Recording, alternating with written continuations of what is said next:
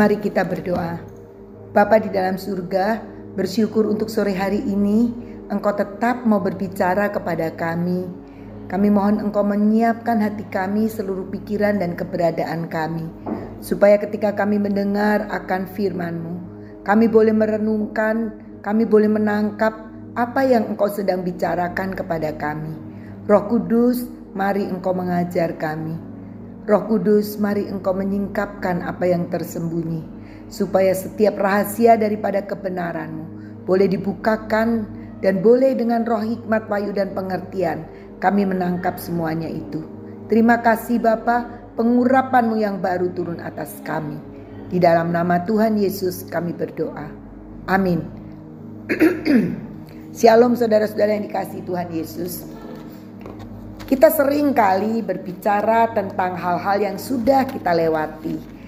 Dan kita biasanya suka menceritakan apa yang uh, menjadi satu peristiwa-peristiwa atau masa-masa di mana kita berhasil. Namun kadang-kadang juga kita bicara juga soal kegagalan-kegagalan hidup kita.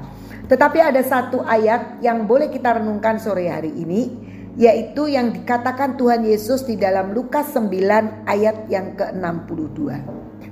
Dikatakan demikian, tetapi Yesus berkata, setiap orang yang siap untuk membajak tetapi menoleh ke belakang tidak layak untuk kerajaan Allah. Jadi di sini Tuhan Yesus ingin mengatakan bahwa setiap orang yang siap untuk mengikut dia tetapi menoleh ke belakang dikatakan tidak layak. Artinya sebenarnya kalau kita mau mengikut Tuhan, Tuhan inginkan kita fokus ke depan. Melihat langkah-langkah Tuhan yang Tuhan inginkan untuk kita jalani. Tapi begitu banyak orang yang sering kali suka yang namanya bernostalgia dengan masa-masa lalu. Di sini dikatakan kalau kita menoleh ke belakang, maka kita tidak layak untuk kerajaan Allah. Sama seperti Paulus pernah berbicara juga di dalam Filipi. Filipi 3 ayat yang ke-13 bagian B. Dikatakan demikian. Aku melupakan apa yang telah di belakangku dan mengarahkan diri kepada apa yang di hadapanku. Itu kata Paulus kepada jemaat di Filipi. Kenapa demikian? Karena Paulus menyadari setiap kita tidak mungkin kita bisa menoleh di dua arah. Kalau kita melihat ke belakang, ya belakang saja yang terlihat.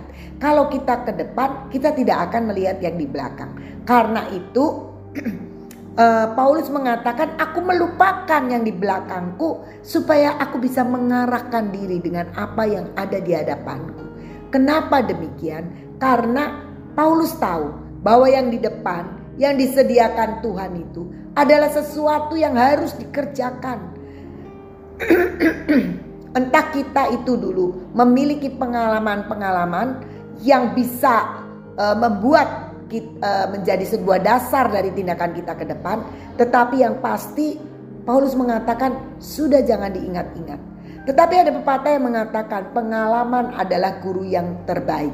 Betul, lewat pengalaman itu supaya apa? Supaya kita tidak jatuh dua kali di tempat yang sama. Lewat pengalaman-pengalaman kita memang kita bisa mengambil sebuah kesimpulan apa yang harus kita lakukan entah itu dalam keadaan berhasil atau dalam kegagalan kita. Tetapi tidak untuk ditoleh. Hanya dipakai untuk sebuah dasar langkah-langkah kita selanjutnya. Contohnya, mungkin satu ketika kita melakukan sesuatu sehingga kita mengalami kegagalan. Kita perlu meneliti apa sebab kegagalan itu. Dan setelah itu kita menyimpulkan kita tidak boleh melakukan hal yang sama. Dan kemudian pasti kita harus bergerak ke depan. Tidak untuk mengingat-ingat dan ketakutan, trauma karena kita pernah gagal. Tetapi kita tahu bahwa yang di depan kita dengan memperoleh pengalaman kegagalan masa lalu, kita akan bertindak lebih hati-hati dan bahkan kita bisa memperbaiki segala tingkah laku kita yang dulu mengakibatkan kita kegagalan. Termasuk keberhasilan juga. Keberhasilan yang kita pernah miliki tidak menjadi standar bahwa dengan cara yang sama kita akan berhasil. Belum tentu. Kenapa? Karena kadang-kadang musimnya sudah berbeda. Kadang-kadang uh, situasinya sudah berbeda. Tetapi kita bisa mengerti bagaimana dulu kita bisa berhasil. Bukan karena satu tindakan yang sama. Tetapi karena hikmat yang bisa menuntun kita untuk membuat kita berhasil. Dan tidak bisa dilakukan lagi. Tetapi ada sesuatu yang Tuhan mau uh, untuk kita jalani dengan perkara-perkara yang baru.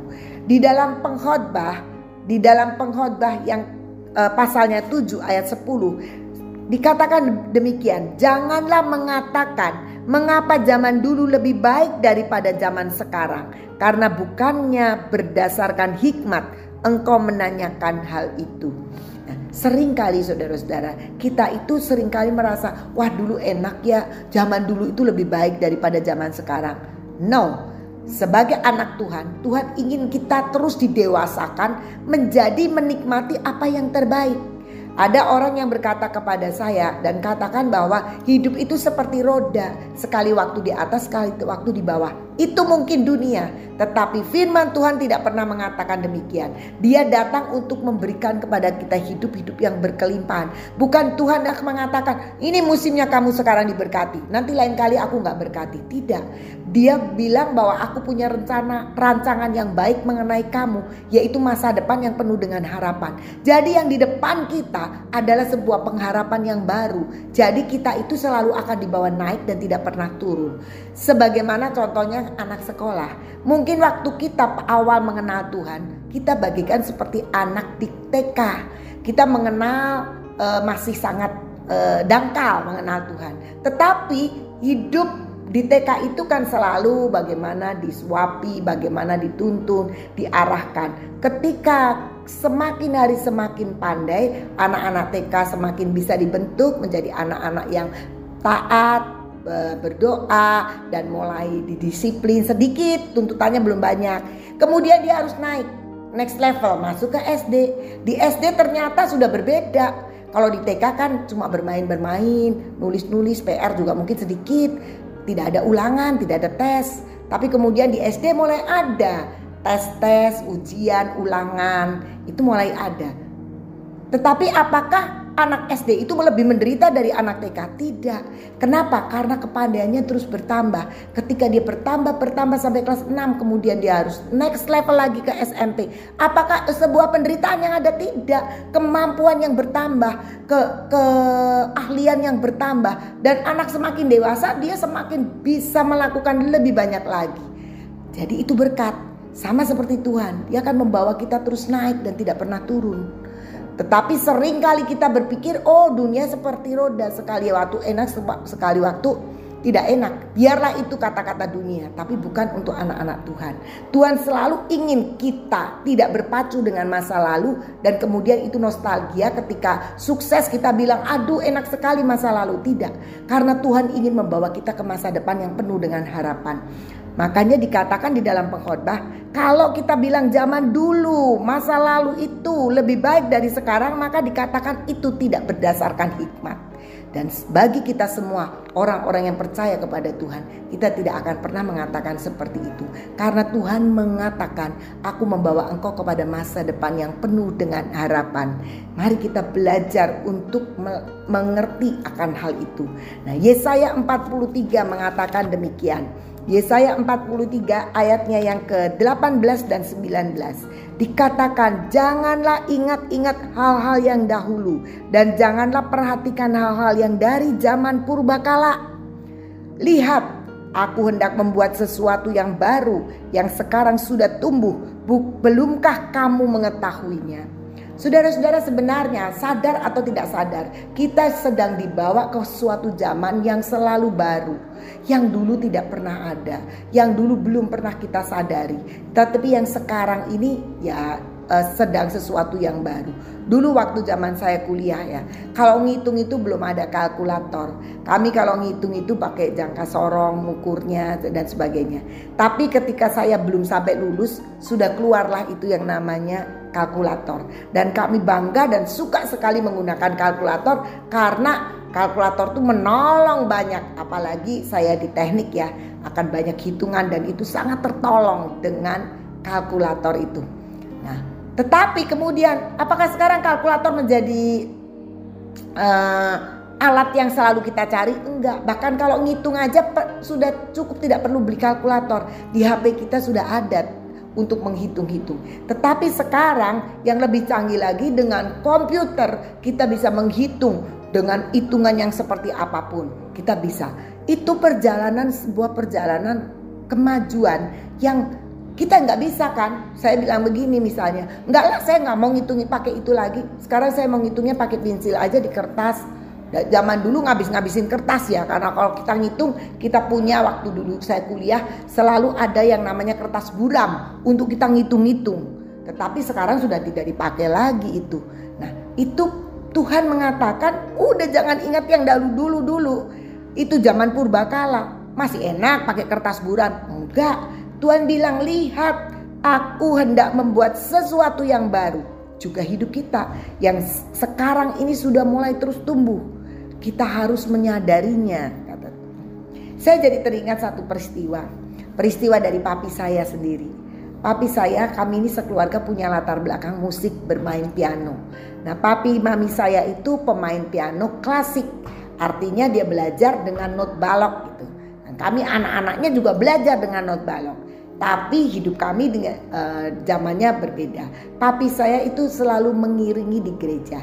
Dan dia mengiringi di gereja lagunya selalu dengan not balok. Karena ada buku-buku kami dari gereja yang pujiannya itu nggak seperti sekarang. Bisa pujian apa saja itu pujiannya sudah ada bukunya. Buku nyanyian rohani Mazmur dan nyanyian rohani. Dan di situ papi saya punya dengan not balok sehingga ketika dia mengiringi selalu dia bermain dengan not balok sampai di masa tuanya. Satu ketika di masa tuanya papi saya sudah tidak menjadi pemain piano lagi. Tiba-tiba diajaklah oleh uh, bapak-bapak ya. Tapi tidak setua papi saya ya jauh lebih muda. Tapi sudah bapak-bapak. Dia bilang begini ke papi saya pak yuk kita berpartner main lagi. Jadi papi saya pianonya bapak itu pemain gitarnya atau apa saya lupa atau pemain organnya saya lupa. Terus bermain tapi saya nggak cocok. Kenapa? Karena ternyata si bapak yang mengajak ini dia tidak punya latar belakang dengan piano klasik. Sehingga semua hanya berdasarkan chord-chord gitu. Nggak apa-apa sih masalahnya. Tapi saya bermain dengan not balok nggak masalah. Tetapi yang masalah adalah chordnya ini uh, bukan nada dasarnya itu dipindah-pindah Pak ini uh, ketinggian yuk kita turunin. Turunin satu lah lompat sana lompat sini. Papi saya kesal. Dia pulang dia bilang begini. Ah saya nggak mau main lagi lah sama bapak itu. Kenapa? Main kok kuncinya diganti-ganti. Sedangkan papi saya sudah dengan partitur yang not balok itu. Tidak bisa mengikuti. Saya bilang papi zaman sekarang nggak begitu lagi katanya. Zaman sekarang terlalu sedikit yang mungkin berdasarkan not balok. Kalaupun seperti saya contohnya, sekalipun saya juga punya dasar piano not balok. Kami kalau sudah bermain keyboard, bermain dalam pelayanan, semuanya sudah tidak sudah lepas itu nggak ada pakai not balok lagi. Wah, papi nggak mau. Kata chordnya itu tidak bagus. Memang sih kalau cetakan yang dengan uh, apa not balok itu chordnya bisa bagus variasinya. Tapi itu tidak membebaskan kita dan itu kenapa? Karena papi saya sulit untuk mengikuti. Zaman dulu enak, semua pakai chord. Nah sekarang lagu begitu banyak ciptaan lagu yang terus setiap hari ada yang baru. Mana bisa keburu ke Uber untuk bikin not balok not balok. Jadi kita tahu sekarang masa itu memang berubah. Tuhan mengatakan jangan lihat yang lalu. Jadi gimana? Nah, kemampuan kita yang terus ditingkatkan. Kalau dulu kita terpatok dengan sebuah partitur, tetapi sekarang kita mulai bergerak dengan feeling. Kita tahu bahwa kita sudah mulai harus bisa. Tapi saya bisa, bisa, tapi tidak terasah karena selalu bermain dengan partitur, not balok. Nah, Saya hanya ingin memberi contoh itu.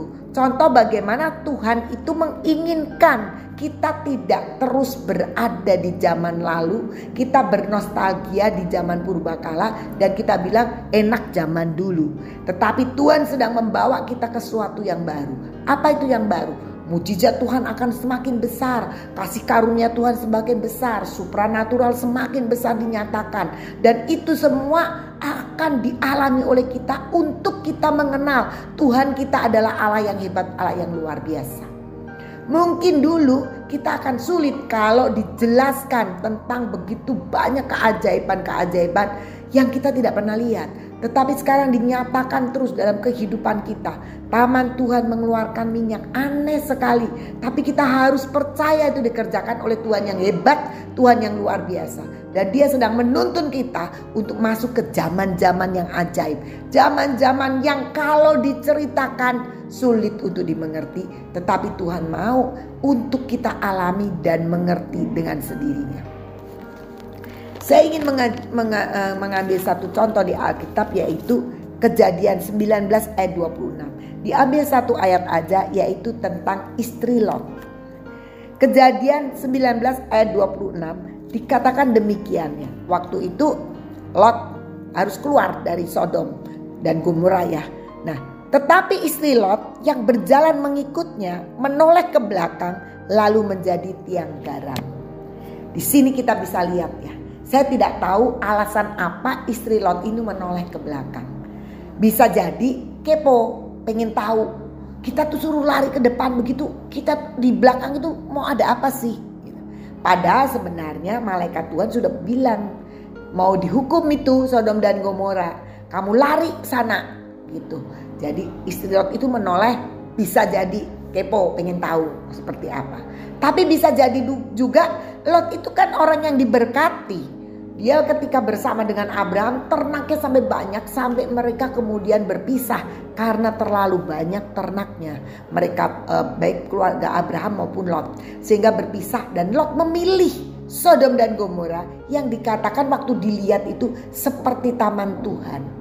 Dan pada waktu Lot ternyata tinggal di situ, ternyata Sodom dan Gomora itu adalah daerah yang benar-benar manusianya bejat di situ. Sehingga Tuhan mau menghukum. Tetapi karena doa syafaat dari Abraham, maka Lot itu diambil, dikeluarkan dan disuruh pergi. Nah, waktu pergi itu tidak bisa bawa apa-apa. Semua harta bendanya ditinggal. Nah, bisa jadi istri Lot itu menoleh ke belakang karena ngeliatin. Aduh, di sana punya aku punya emas, perak, barang, duit semua banyak nggak bisa dibawa.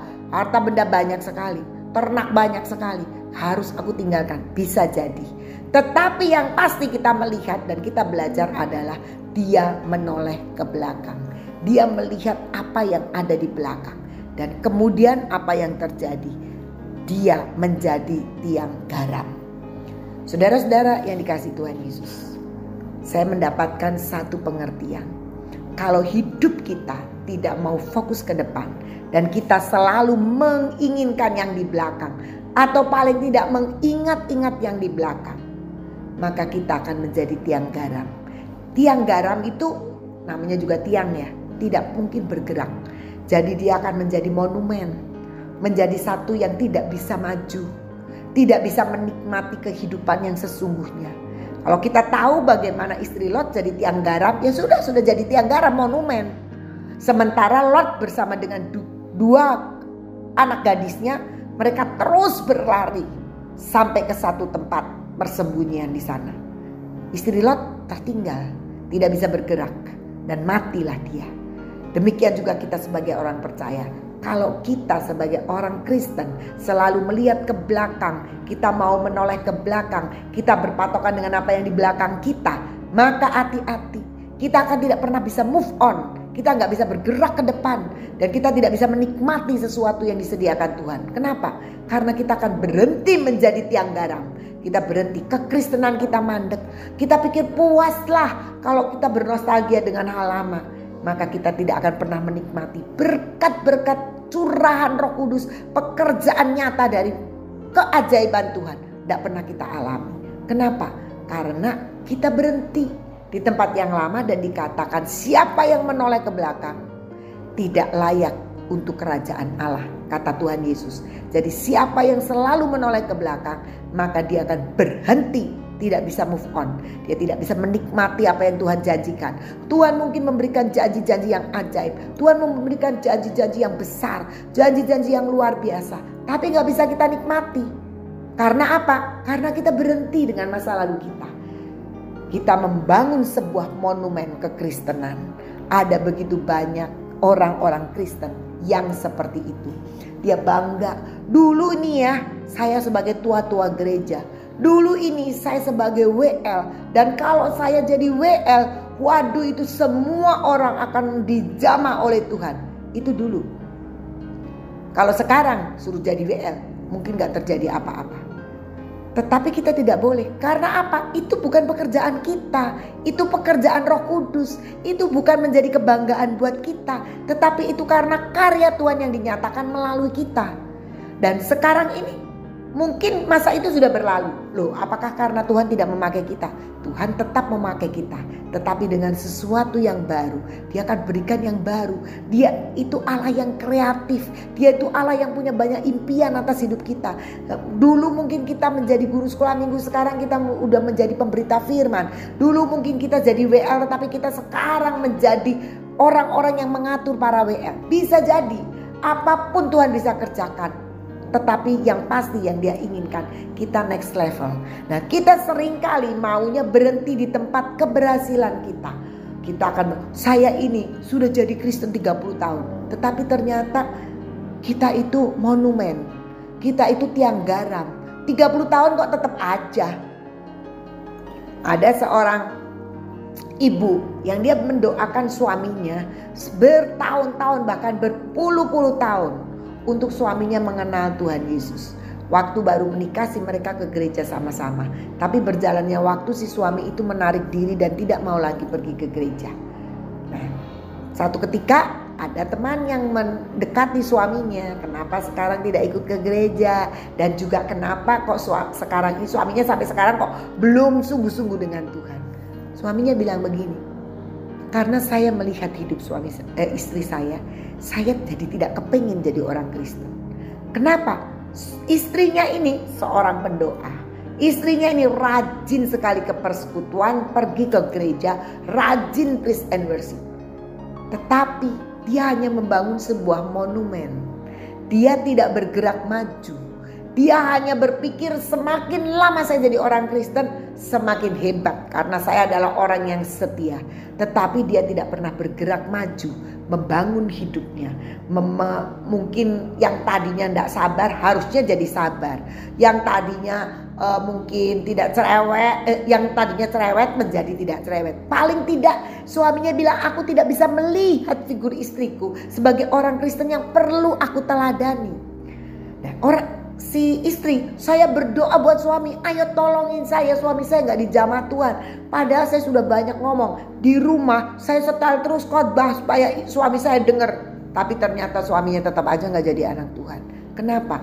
Karena jangan-jangan dia sedang membangun monumen kekristenan. Seolah-olah dia sudah cukup, dia baik, dia sudah setia dan tetap setia. Saudara-saudara yang dikasih Tuhan Yesus, Mari kita introspeksi dengan diri kita sendiri. Sejauh apa kita sebagai kekristenan kita? Apakah kita jangan-jangan berpijak dengan begitu lamanya kita menjadi orang Kristen? Kemudian kita bangga bahwa kita itu udah Kristen loh. Bahkan dari kandungan ibu sudah Kristen. Karena memang seperti saya ya, saya lahir dari keluarga Kristen. Artinya ketika dikandung pun ibu saya sudah orang Kristen, sudah percaya Tuhan Yesus, sudah terima Tuhan eh, Yesus sebagai Tuhan dan Juru Selamat. Kemudian pasti saya lahir dan ayah saya pun demikian. Jadi saya lahir sudah Kristen dari sejak kandungan. Apakah kemudian itu menjadi sebuah kebanggaan untuk saya terus bernostalgia dan puas dengan kekristenan saya seperti itu? Tidak. Kita perlu kita sendiri memberikan sebuah kehidupan yang dibangun oleh pekerjaan Roh Kudus. Maju terus, maju terus sampai kita tahu bahwa inilah panggilan yang Tuhan inginkan dan kita tidak perlu menoleh ke belakang. Ke belakang pengalaman, bersyukur karena saya lahir di keluarga Kristen sehingga ada begitu banyak eh, yang dialami pergumulan dari orang yang tidak dari keluarga Kristen tidak perlu saya alami. Itu saya syukuri, tetapi bukan untuk dibanggakan dan menjadi sebuah patokan bahwa ketika saya lahir di keluarga Kristen, maka saya dijamin kekristenan saya itu hebat. Tidak, karena saya tetap pribadi yang dipanggil oleh Tuhan untuk next level. Kita semua harus next level. Hari ini mungkin kita baru bisa berdoa untuk diri kita sendiri. Besok kita bisa berdoa untuk keluarga. Lusa kita bisa berdoa untuk tetangga. Terus kita bisa berdoa untuk bangsa. Kita bisa berdoa untuk dunia. Itu next level. Hidup kita akan menjadi berubah ketika dulu kita terlalu egois. Tapi kita mulai tahu ada panggilan untuk kita berbagi. Mulai sekarang kita melihat begitu ada orang sulit kita mulai perhatikan. Kalau dulu belum itu next level. Mungkin dulu kita ya. Kita itu belum mau melayani. Kita hanya pergi gereja untuk diri kita sendiri. Tetapi semakin hari kita semakin menyadari bahwa ternyata kita punya panggilan dan panggilan kita itu harus kita penuhi. Makin lama kita makin sadar Tuhan itu selalu mau berbicara kepada kita. Makin lama kita makin merindukan firman Tuhan. Kita dulu ogah-ogahan baca Alkitab, tapi sekarang kita tahu firman Tuhan itu Tuhan bicara lewat Alkitab juga. Dan kita mulai belajar terus membangun hidup kita. Kita mulai tahu bahwa kita tidak boleh bergaul lagi dengan orang-orang yang pencemooh, orang-orang yang fasik dan sebagainya. Tapi kita mulai mengerti Bukan menjauh saja, kita menjauh dari pergaulan, tapi kita tetap mendoakan dan kita dekati untuk dijamah Tuhan. Bukan kita menjadi ikut-ikutan. Mari kita belajar, jangan membangun tiang garam buat hidup kita, jangan membangun monumen untuk hidup kita. Istri Lot menjadi tiang garam karena dia menoleh ke belakang diikat dengan mungkin harta dunia, diikat dengan rasa ingin tahu yang tidak ada gunanya.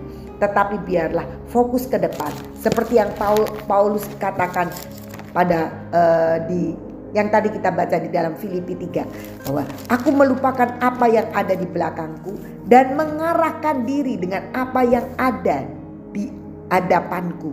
Karena tahu yang ada di hadapannya. Itulah panggilan yang Tuhan inginkan di dalam hidupnya. Mari saudara-saudara kita belajar hidup kekristenan kita. Jangan suka menoleh ke belakang.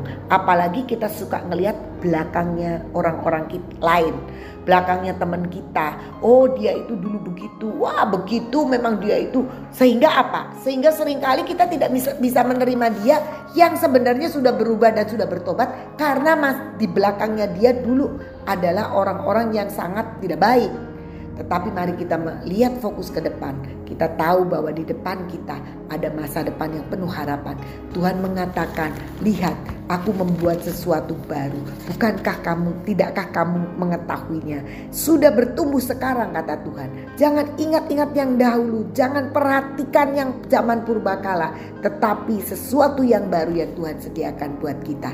Mau saudara-saudara? Saya sangat mau karena saya tahu Tuhan kita adalah Tuhan yang sangat kreatif. Dia menyediakan sesuatu yang baru yang semakin indah, semakin indah dan semakin sempurna. Tuhan Yesus memberkati. Mari kita berdoa. Bapa di dalam surga, kami mengucap syukur sebab Engkau Allah yang hebat, Allah yang luar biasa.